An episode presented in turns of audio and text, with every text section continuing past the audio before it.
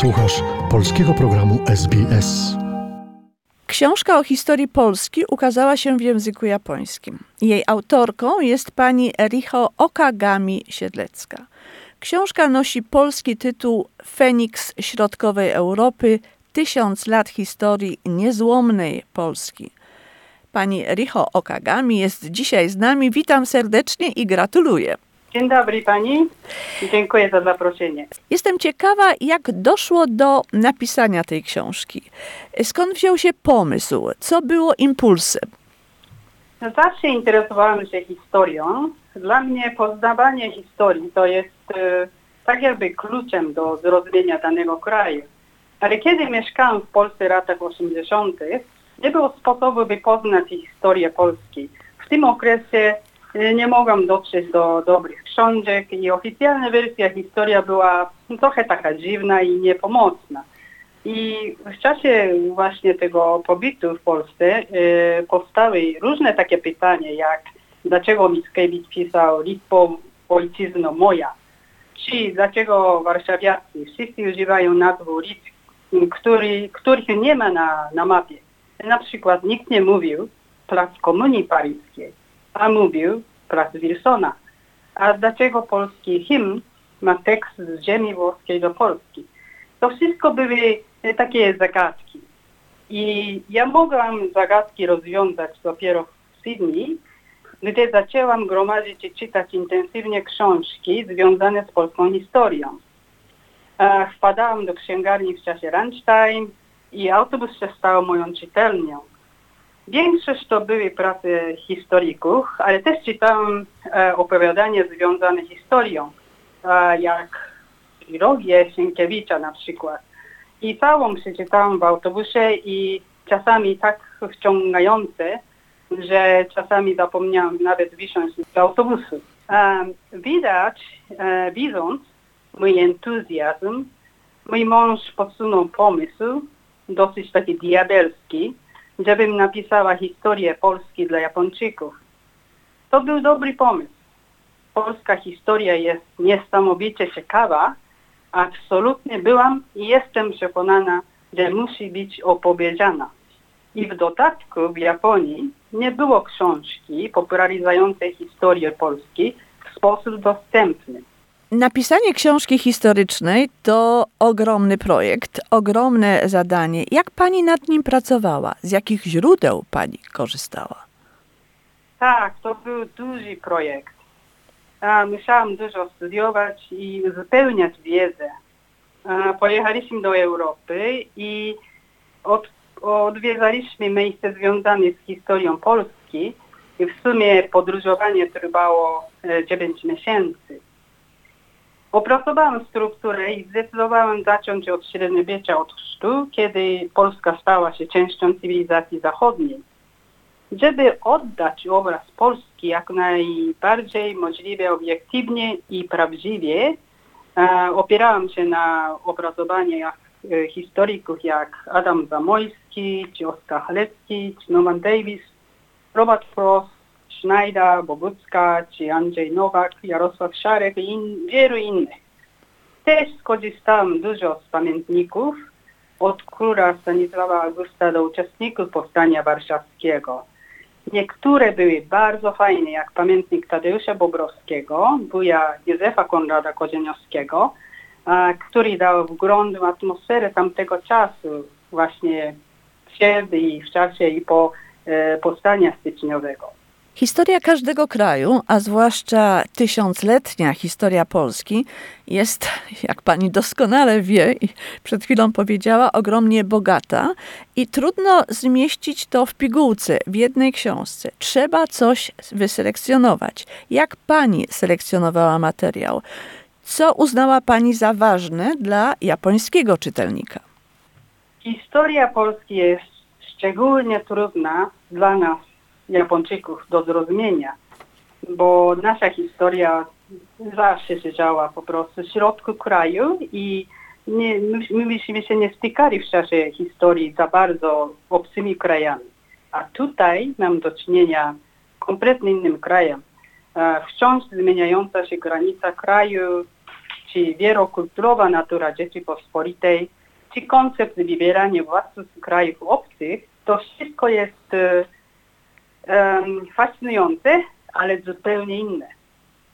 W dodatku Polska znikła z mapy i pojawiła się później po 123 lat, latach. To jest coś niezwykłego.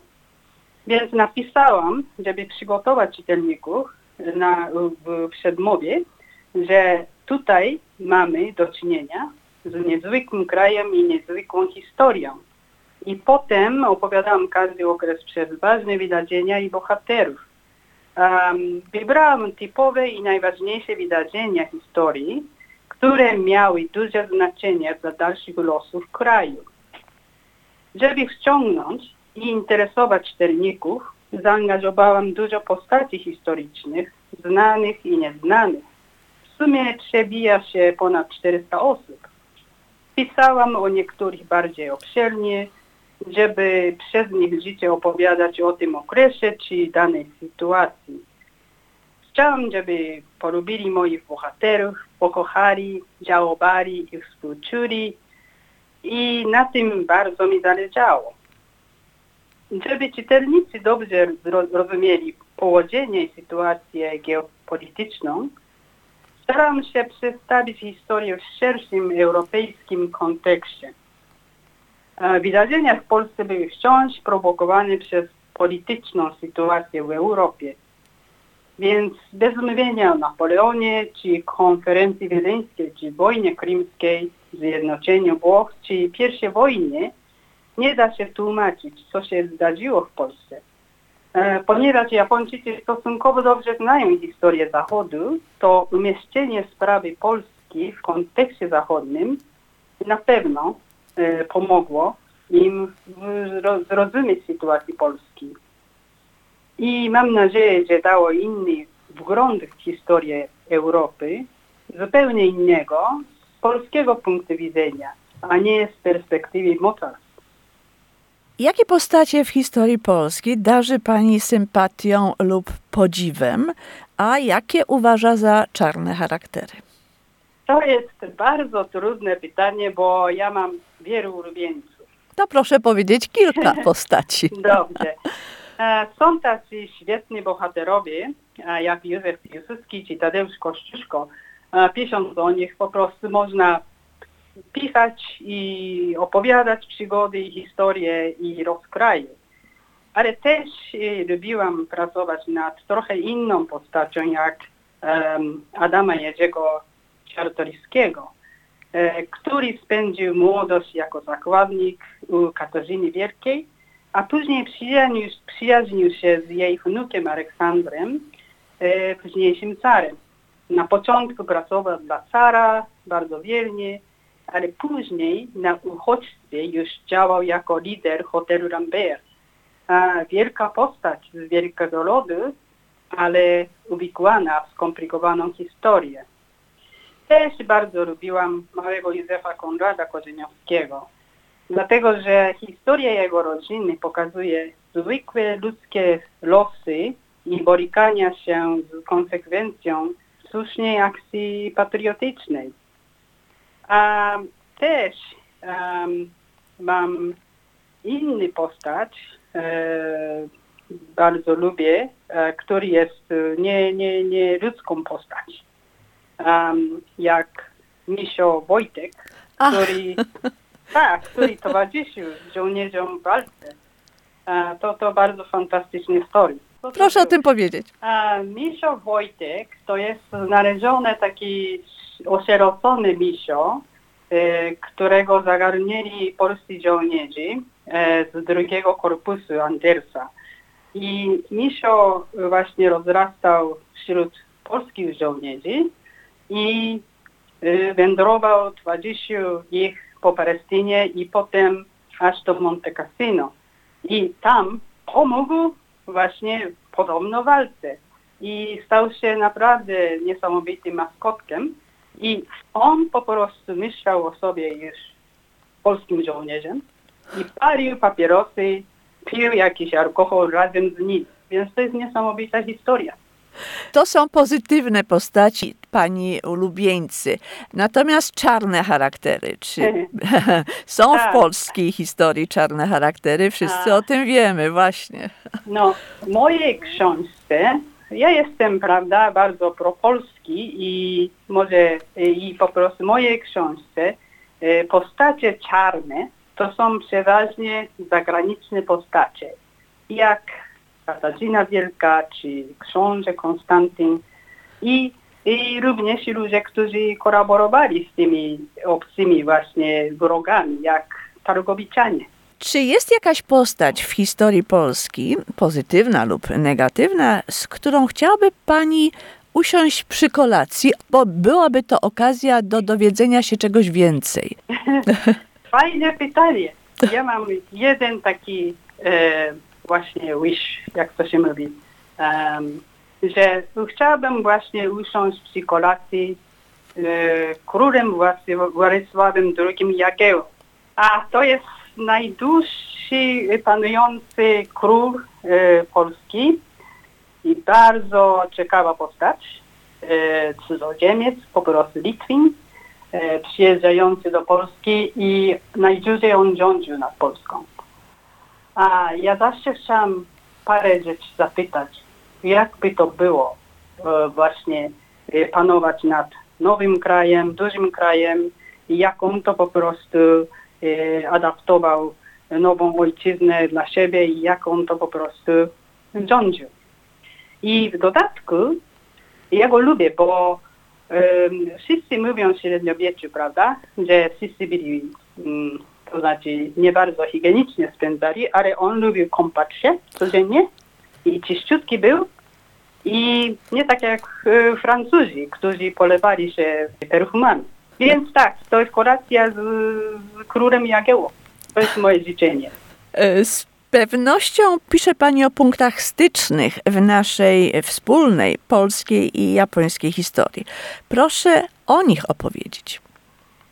Polsko-japońskie epizody były ważne dla mojej książki akurat, mimo że dużo ich nie ma i w dodatku e, nie mają specjalnego znaczenia e, dla polskiej historii. Ale żeby zbliżyć czytelników do Polski, trzeba było o nich napisać. I zrobiłem trochę, sprawdziłem jakie były wydarzenia i się okazało, że niektóre epizody są ciekawe i nawet zaskakujące. Pierwszy Japończyk, który postawił nogę w Polsce, to był młody major Yasumasa Fukushima, późniejszy generał armii. Major Fukushima podróżował konno z Berlina do Władywostoku przez Polskę e, w 1892 roku. Jego cel był wywiadowczy, żeby zbierać informacje o rosyjskiej armii. Rosjanie wiedzieli o tym, ale nie przejmowali się oficerem z małego jakiegoś państwa na Dalekim Wschodzie. Ale wiemy, że Major Fukushima miał dobry kontakt z Polakami i Pola- Polacy pomogli mu w czasie jazdy po Syberii. Po powrocie Fukushima napisał pamiętnik, w którym pisał dosyć taki smutny obraz Polski pod zaborami. I on został wielkim przyjacielem Polski do końca życia. A z kolei w czasie rosyjsko-japońskiej wojny Piłsudski i Dmowski pojechali do Japonii. Piłsudski był zaproszony przez rząd japoński, a Dmowski pojechał, żeby torpedować misję, e, misji Piłsudskiego. Jeden kraj, naród bez państwa, dwa kompletnie przeciwne poglądy. Dla Japończyków był to bardzo egzotyczne i na pewno nie do zrozumienia. Napisałam też o ratowaniu dzieci syberyjskich przez japoński Czerwony Krzyż y, w latach 20. zeszłego stulecia.